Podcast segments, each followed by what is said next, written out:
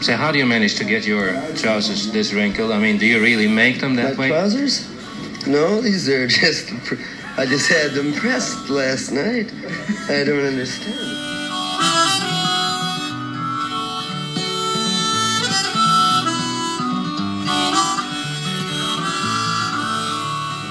Välkomna till Vi snackar Dylan. Det här är tror jag 82 avsnittet. Ganska mycket tycker jag. Och idag ska vi träffa Johannes Nilsson. Välkommen Johannes. Tack så mycket. Till Reimersholme.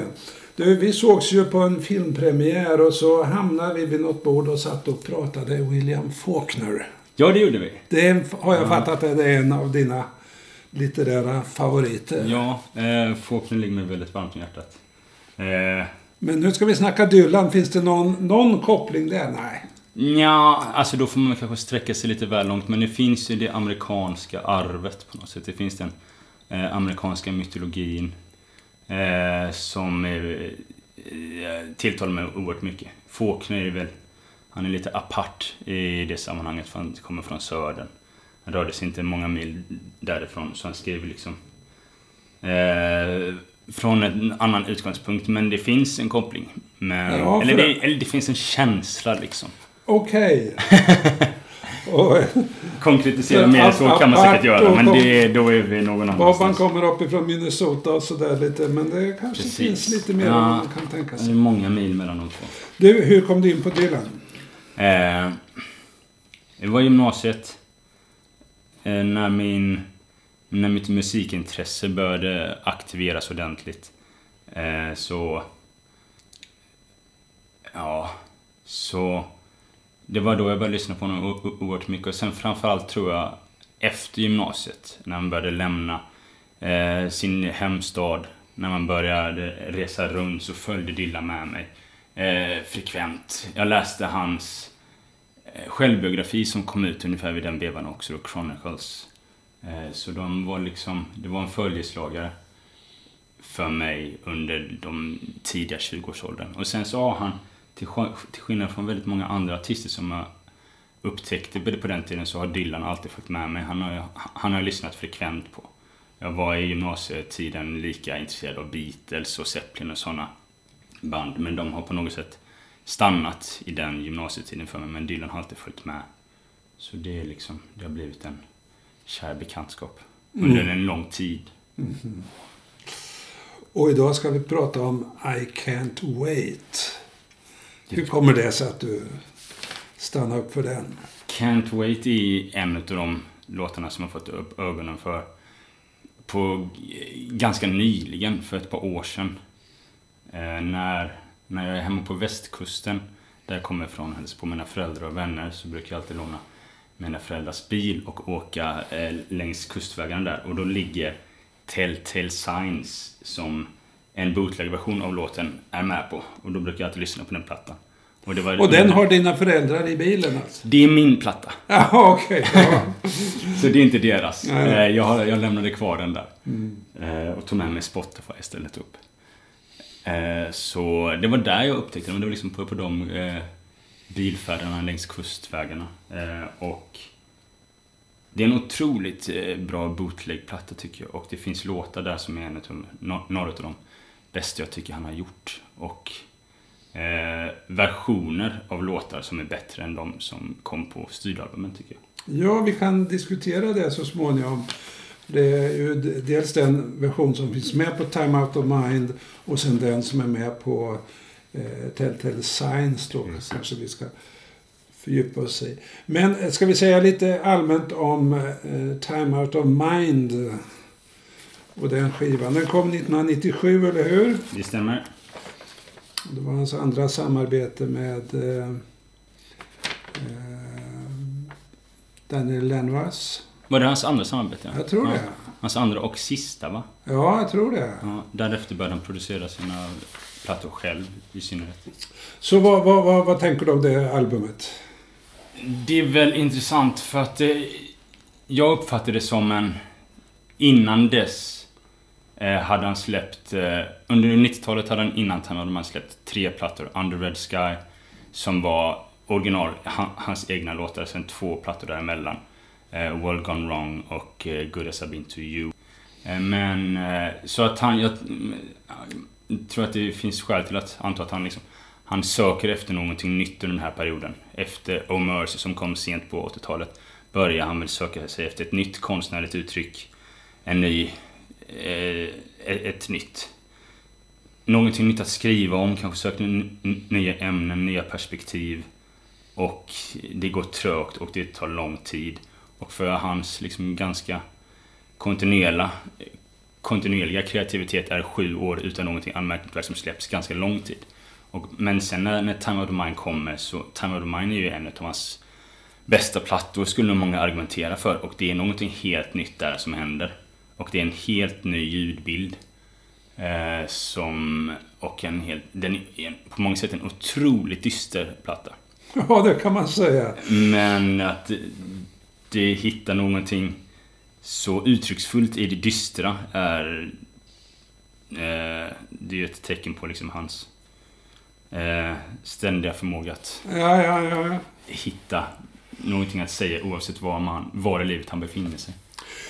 Time out of mind eh, är ju det är en juridisk term på, på eh, engelska och betyder urminnes tider ungefär, eller av gammal hävd och sådana här saker.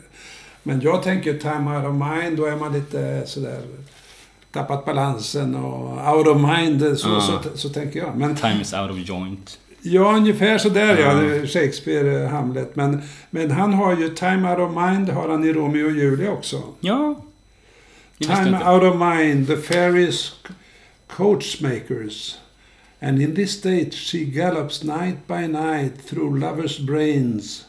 And then they dream of love. Ah, okay. Det är ju väldigt annorlunda ja. stämning än, än i den här plattan. Va? Där är man ju... Okej, okay, det är en tragisk pjäs, Romeo och Julia, men där är de ju fullständigt berusade av, av kärlek som leder... Men det, det kan man väl säga på den här skivan också, att det leder till undergång flera, flera av sångerna. Det gör det. Och eh, om man jämför med, om man ska jämföra med Romeo och Julia så börjar ju, heter den första låten på plattan också Lovesick. Eh, och eh, börjar med att eh, I'm walking through the streets that are dead. Walking with you in my head. Och där är det ju eh, så långt ifrån passionerad kärlek man kan komma. Men det, men det finns ju i många av låtarna finns ju kärlekstemat där. Men det är en kärlek, en sorts skymningens kärlekssång. Där kärleken finns som jag kan också tycka finns i Can't Wait som vi ska komma till senare. Is My Love In Vain ungefär. Det är ju mest Love In Vain i hela. Mm. Och det där, så, när du tog första raden där. Alltså, uh, I'm walking through the streets that are dead. Det är ju döden är ju närvarande. Eller nära på något sätt i många av de här. Verkligen. Döden och ålderdomen och en, liksom, den tidens slut i vissa fall också. Det finns en, en annan amerikansk poet vid sidan av Dylan som heter Edna Saint, Saint Vincent Millay. Och hon har använt det här uttrycket också, time out of mind. Hon skriver i Dirge without music, heter dikten. I'm not resigned to the shutting away of loving hearts in the hard ground. So it is, and so it will be for so it has been, time out of mind. Into the darkness they go, the wise and the lovely, crowned with lilies and with laurel they go, but I'm not resigned. Alltså, jag tycker det är underbara rader, men här, här använder du time out of mind, alltså så har det alltid varit. Ja. De vi älskar, de dör för oss. Och hon säger I'm not resigned. Ja. Och sen i slutraden så, så hon fortsätter att konstatera att de försvinner de här för oss. But I do not approve. I'm not resigned. Ja, ja men och det... Eh, sinnesstämningen i Dylans Time Out of Mind är nä, nästan den motsatta. Ja, För där, visst är det det. Ja, han, där han, han resignerar resign. Ja. ja resignerar, förlikar sig med sakernas tillstånd och Men inte, med, inte helt och hållet med uppgivenhet eller hopplöshet. Utan eh, som jag uppfattar det, framförallt i Highlands, den sista låten, att han hittar bara Världen är inte riktigt till för mig längre, men jag hittar en ny plats att se på den ifrån. Och där kan jag också... Eh, där kan livet utspela sig också för mig, men på avstånd. Han sjunger Ja, en av alltså- de sista raderna i Highlands sjunger han I've got new eyes. I see everything from far away. Eller Ah, något ja, sånt. ja, just det. Och the sun is beginning to shine on me. Men det är en annan sorts sol. Eh, Det är med andra ögon jag ser på saker och ting. Och... Eh, så att det finns en resignation. Det finns en förlikning med ett bittert tillstånd. Men det finns också någonting annat än hopplöshet. Och någonting annat än...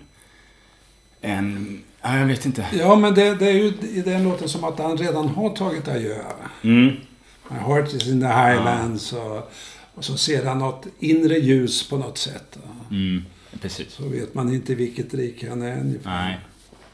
Men- Okej, ska vi eh, hitta till eh, I can't wait. Eller can't wait säger de ofta. Can't wait. Det är ju en sång som han har sjungit eh, från eh, debuten på 97 då. På, sjungit ganska mycket på konserterna då. Eh, slutet på 90-talet och sen tog han igen den. Den har löpt lite som ett, en liten åder men sen 2019 framförallt så var den stadigt på repertoaren. Alltså. Ja, okej. Det Ja, så ingen han har sjungit den 200 gånger så det här är ju Ja. en låt som han verkligen älskar och har pillat mycket i texten, ändrat både musikaliskt och textmässigt. Hur har du tyckt den har varit när du har sett den? Det har, jag har inget starkt minne. Alltså om jag ska säga allmänt så är jag ofta inte så svag. Det här är ju en blues. Ja. Och eh, nu när jag lyssnar på den så tycker jag den är fantastisk därför att han krämar ut det mesta. Men det finns också några eh, versioner på, på nätet från några konserter där han höjer tempot. Och då tycker jag, aha, det är en Dylan Blues nu. Alltså det, och det tycker jag inte är så märkvärdigt. Det finns en, en version ifrån, jag tror det är Stockholm 2019. Jag var inte där på den konserten. Men då Eh, han sjunger den på 3 minuter och 45 sekunder. Två minuter kortare Ja. än de här versionerna som vi ska prata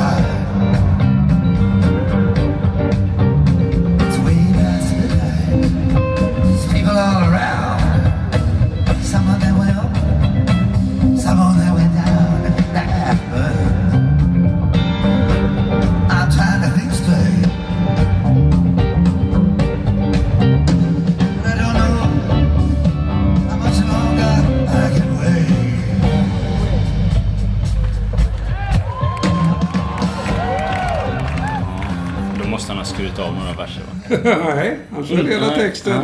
Han bara öser på alltså. Okej, var, var ska vi starta? Ska vi börja med den första versen på då Telltale Signs-versionen? Ja. För de, jag tycker texten och produktionen, men framförallt texten skiljer sig ganska mycket åt från den och Time Out of Mind-versionen. Innan vi kastar oss in i texten ska vi säga något om hur låter de? Om du, om du hör albumversionen och sen Telltale Signs. Albumversionen är ju mer anpassad till eh, ljudbilden, den helhetsintrycket som albumet ger. Eh, Den är tyngre, den är långsammare. Jag tycker att det finns i flera av eh, låtarna som finns till, till, tillstymmelse av i Can't Wait, men framförallt kanske i Lovesick och Highlands och Not Rock Yet. Att det finns en liksom långsam, planlös framåtrörelse i låtarna som nä, nästan är olycksbådande också. Men, men de Highlands påver, pågår ju i oändlighet och den skulle kunna göra det utan, tycker jag, att den är långtråkig. Men det finns något monotont över dem. Och det finns det i Can't Wait också. Och den är, det finns en tyngd där rösten Ja. är rosslig och sjuk. Ja. Och... Eh, I Det ligger jämförelse ju, med... Gitarrer dominerar ju där och, och eh, puker. Ja, Eh, och det är ju sån här Lanois sound, eller hur?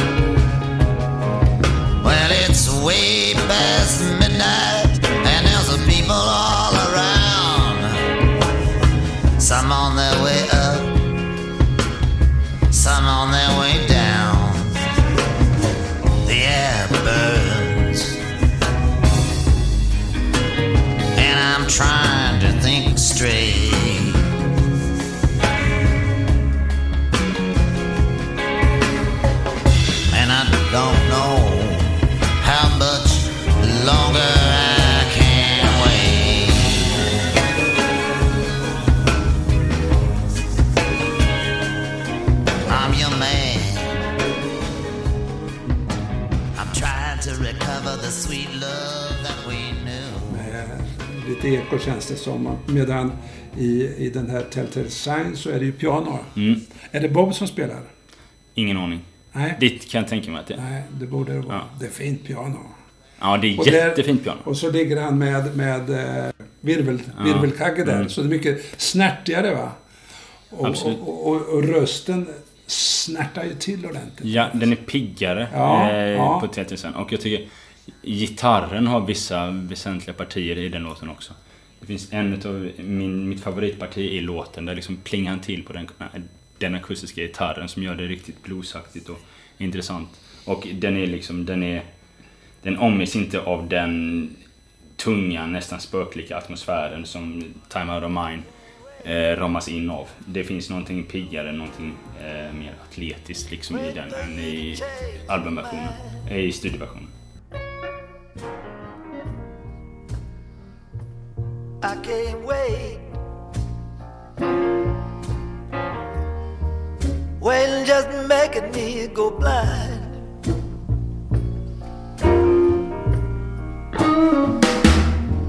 Been ever lay awake at night, your face to the wall.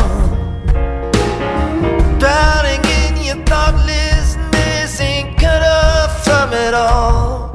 I don't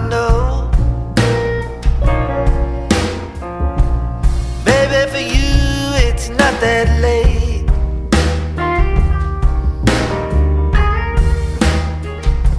But as for me, don't know how much longer I can wait.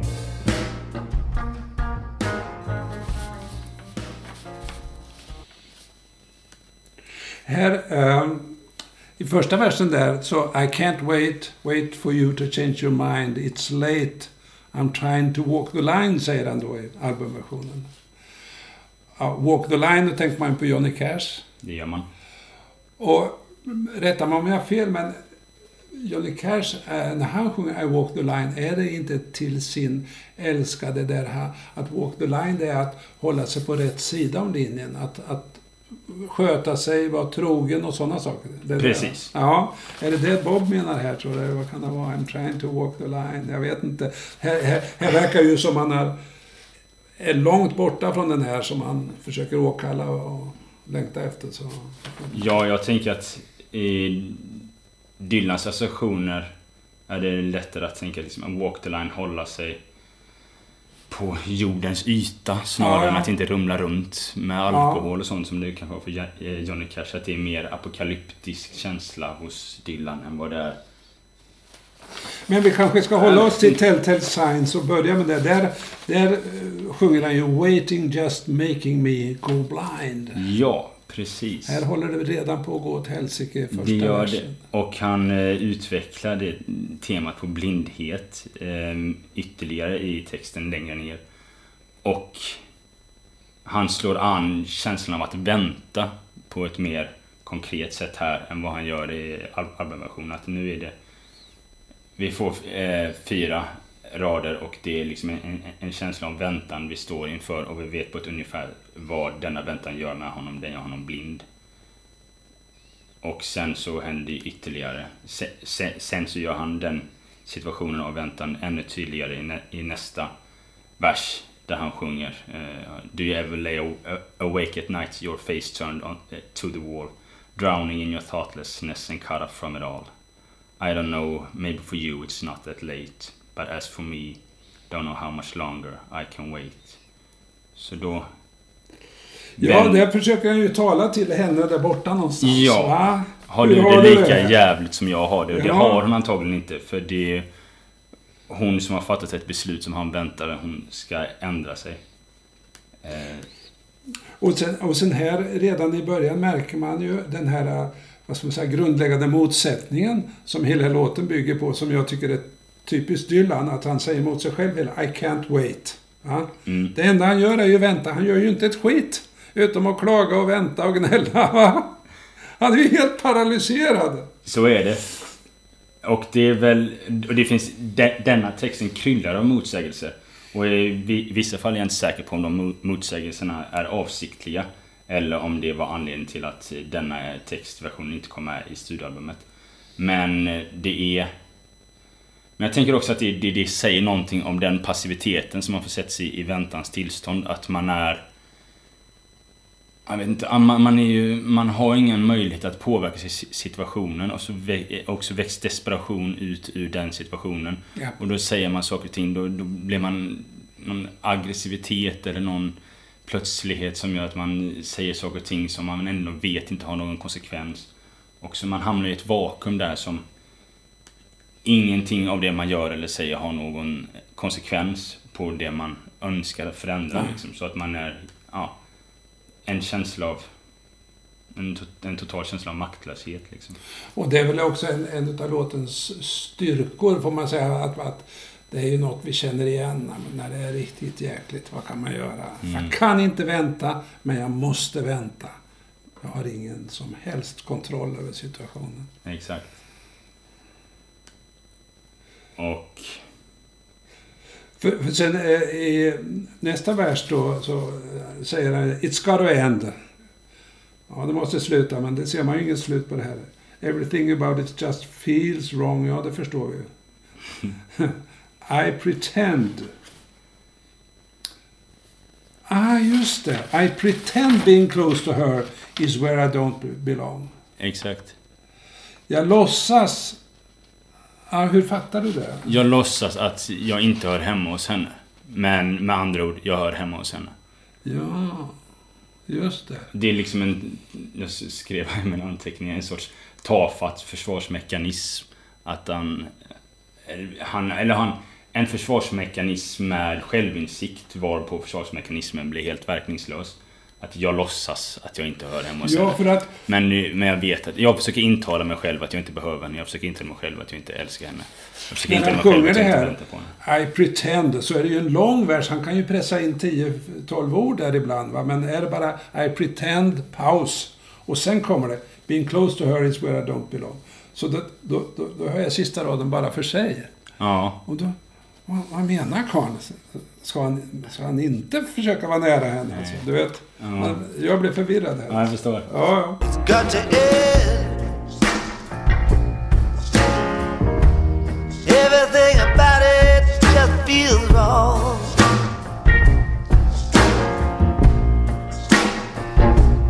I pretend being close to her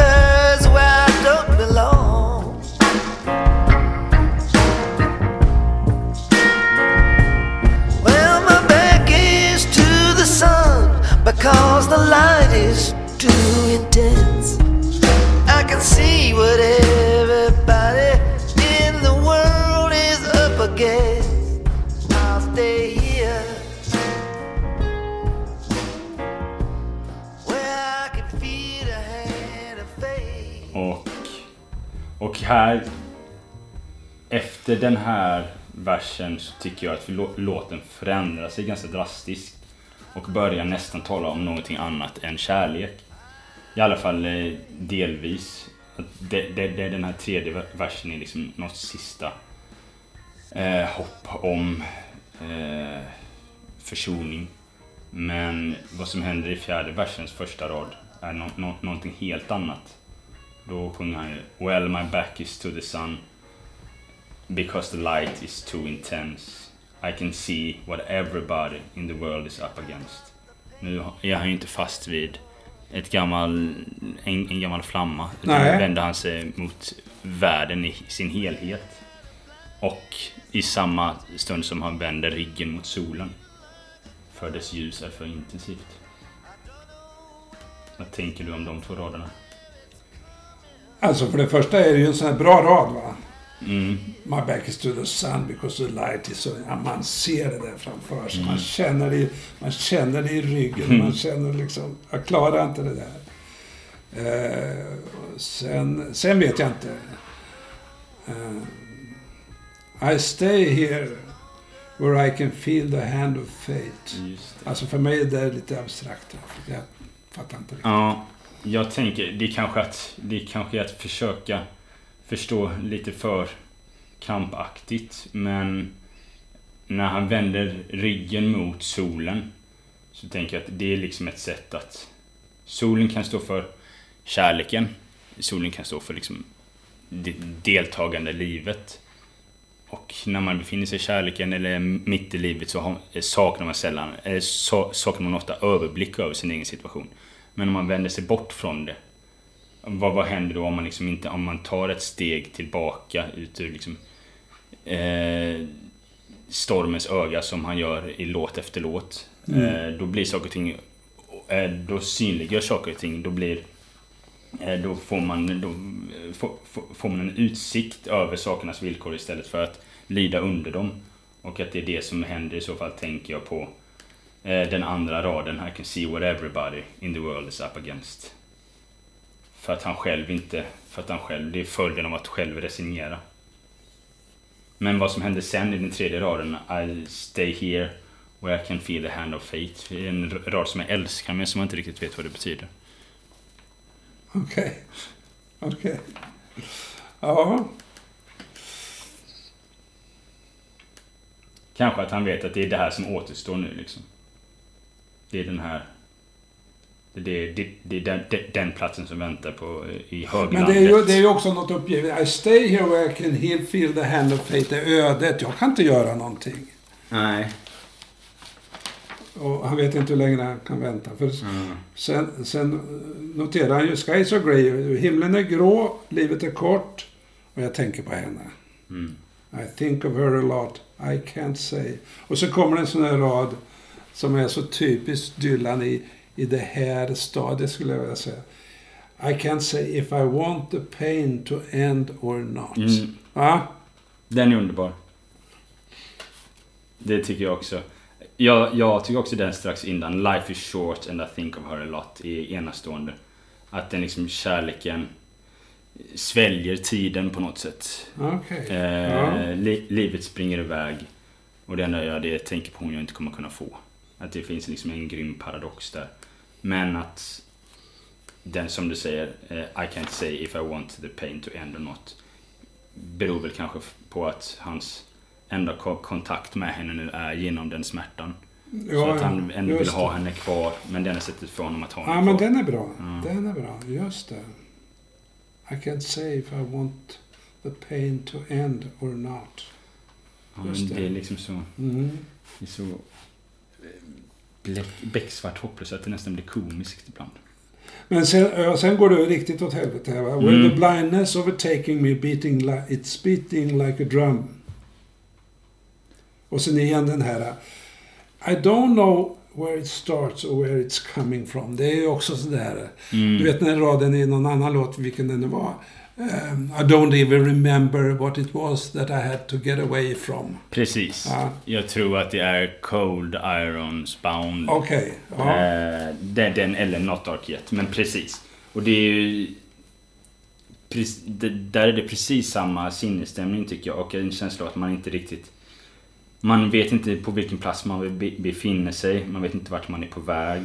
Man vet inte hur man har kommit hit. Man, tillvaron har blivit en hieroglyf för honom på något sätt som man inte förstår. Och det, är- det är no, no, no, någonting jag också associerar med i... Han sjunger på, jag tror också det är Highlands. I feel like a prisoner in a world of mystery.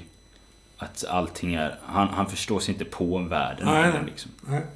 Eh, de spelreglerna som han lider under är, kan han inte tyda längre. Eh, och sen fortsätter den versen ja. That, that, that's how it is. Well I try to concentrate. And I don't know how much longer I can wait. Ja, det... Och den här bilden på första raden, Blindness overtaking me, it's beating like a drum. Det är ju helt absurt att en, att en blindhet kan slå som en trumma. Men det är alltså två förenliga, så att säga, sensoriska. Eh, Det är snyggt. Ja men det har du rätt i. Att Ja. det, det är faktiskt det är någon dissonans där. Ja, som visst. ändå... eh, Det tänkte jag inte på. Men det... Ja. Sen kommer en, en sån där eh, brygga va, där han ändrar, eh, det, melodin förändras. Uh, I've been drinking, drinking forbidden uses. I've been living, living on the lame excuses.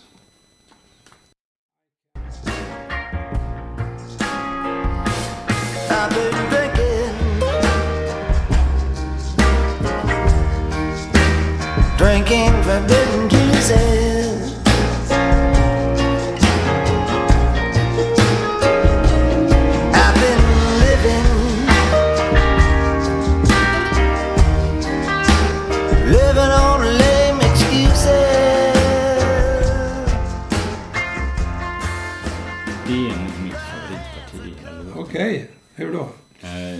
Ja, just som du säger att bryggan kommer där och Mm. låten piggnar till. Han börjar slå till på gitarren.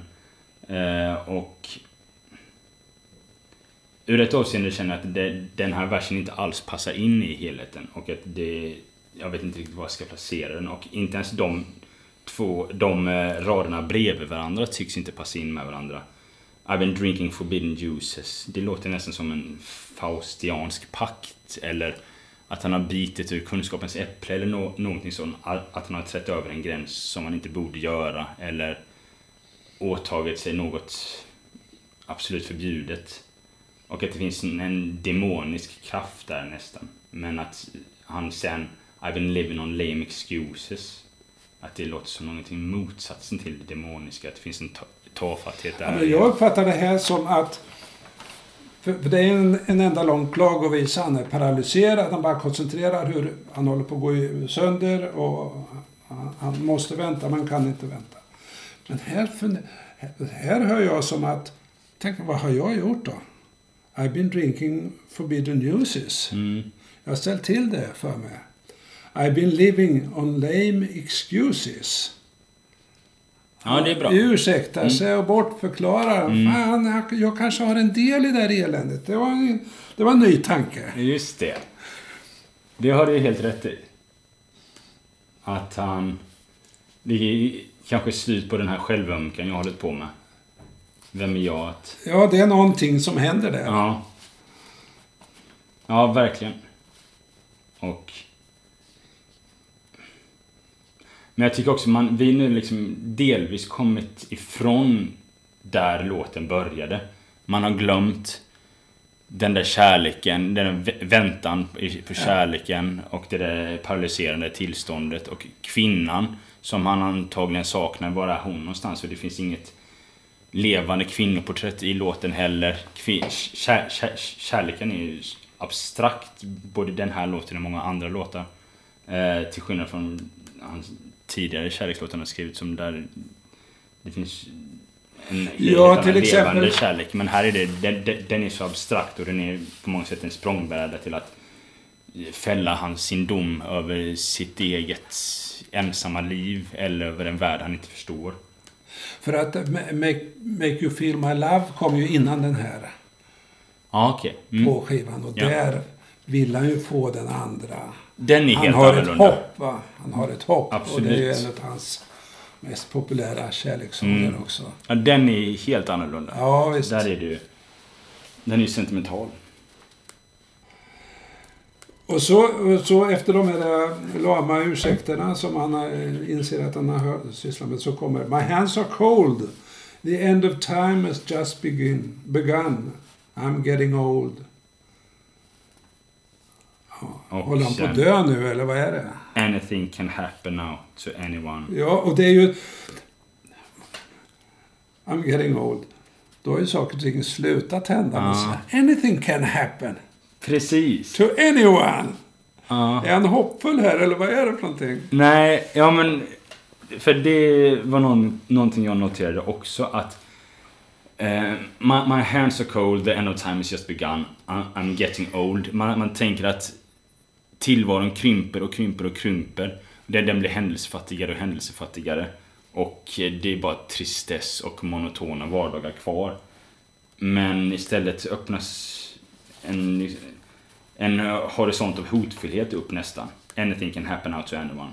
Det låter ju nästan som, eller jag tänker du det som jag, jag, tycker det låter så olycksbådande. Att vad som helst kan hända för vem som helst nu. ah, ja, ja, ja. Nej, men jag, jag hörde motsats alltså. Ja. Det kan bli en förändring, vem vet? Ah, det är Trots att allt är hopplöst. Så, eh, Ja, just det.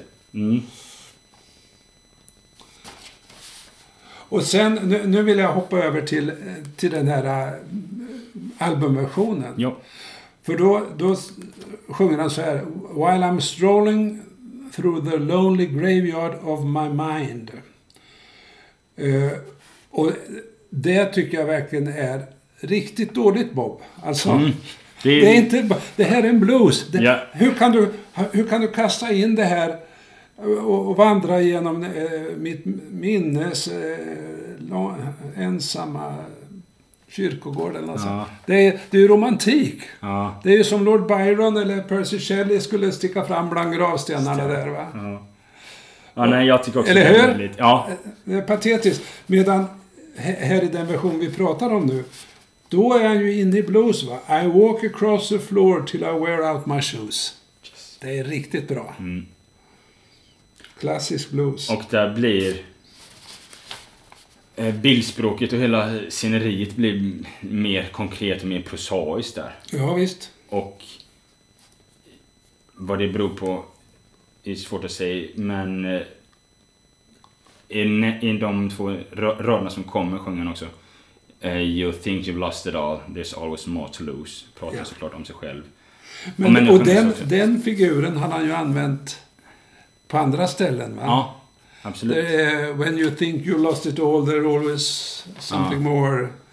Ja men Like Rolling Stone va? Eh, fast motsatsen. Ja, men det finns på Eh. flera ställen. Ja. Ja.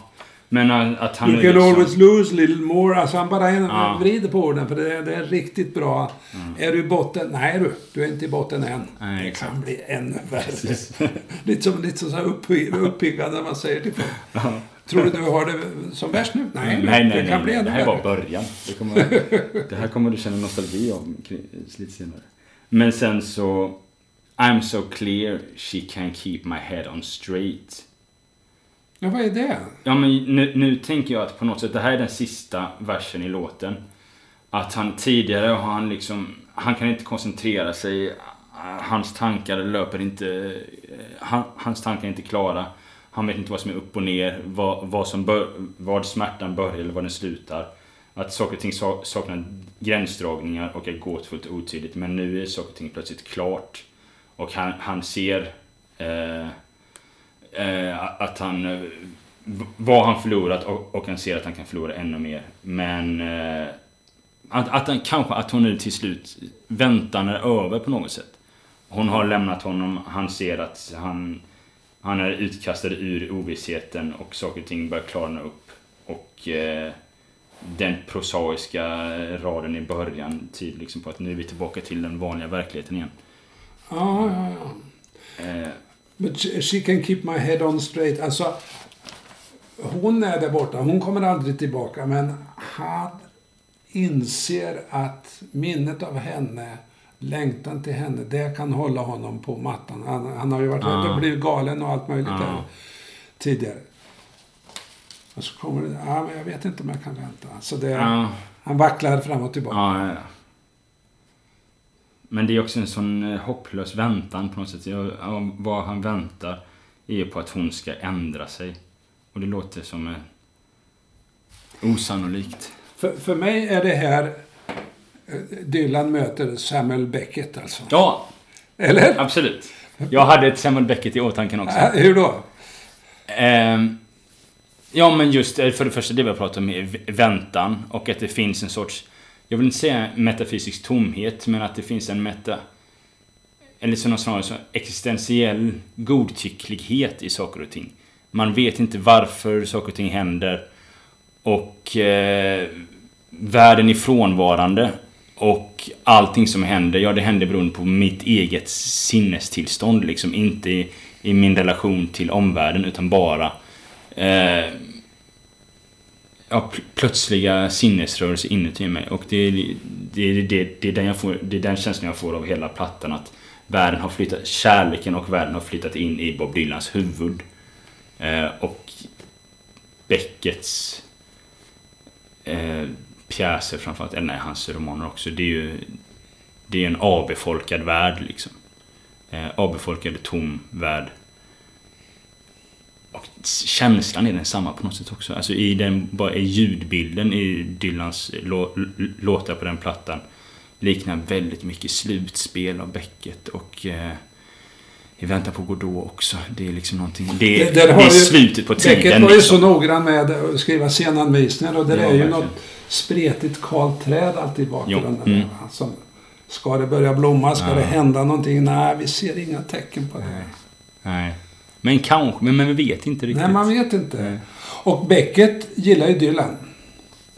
The Young Poet pratar han om. Det visste inte jag. Jo, och Ah. de känner varandra. Gjorde de? Ja, ja, har jag hört. Vad härligt att de Ja, det. visst. Ja. När, i vilka sammanhang träffades de? Vilket bodde ju i Paris mestadels. Ja, i Paris. Har jag hört. Ja. Ja. Eh, ja. Ja, men det finns ju liksom Dylans... Det finns ju en förtvivlan i Dylans låtar sen eh, 63 liksom. Sen eh, It's alright ma och eh, Gates of Eden kanske inte så mycket förtvivlan. Men det finns en, liksom, en extrem pessimism hos honom. Och det finns ju en... Beckett är ju mästaren av pessimism. Ja, men jag- det finns också någonting annat hos Beckett. med. Jag håller inte med. Eh, För, för de där är ju en, en beskrivning utav en absurd värld för all del. Om man kallar Beckett Ja. absurd. Ja. Men, men eh, just att eh, Bob då, han avskyr den där beteckningen protestsångare. Va? Men i alla fall, det är protest. va? Ja. Genom att beskriva så här förfärligt är det. Ja. Så, så är det som att han gör någonting med det. Eh, ja. Eh, Så, så, så jag uppfattar inte det som pessimism Nej. utan eh, en slags förtvivlad vrede. ja. Men uppfattar du Beckett... Uppfattar du inte heller Beckett som pessimist? Jo, Ja. Men det finns ju stråk av optimism hos Ja, ja. Det, det finns alltid Jo, humor hos visst. honom. Nästan, inte alltid, men i må- de flesta jo, fall. och det finns ju också humor i detta. Att, alltså att, att orka se, ja men så här absurt är det. Ja. Att, eh, Ja, men pessimism kan ju också... eh, pe- Pessimism har ju så, såklart en negativ klang, men pessimism kan också vara klarsynthet. ja, ja. I can't wait. Ja. But I have to wait. Du, Ja, jag, jag har verkligen sett fram emot det här. Jag har känt jag kan inte vänta till Johannes kommer så vi får snacka om den här hopplösa låten. Men man får lite hopp ändå va? det får man. Ja. Och jag tycker att som sagt vi får hålla fast vid att plattan slutar inte becksvart. Nej. Med Highlands och med nya ögon.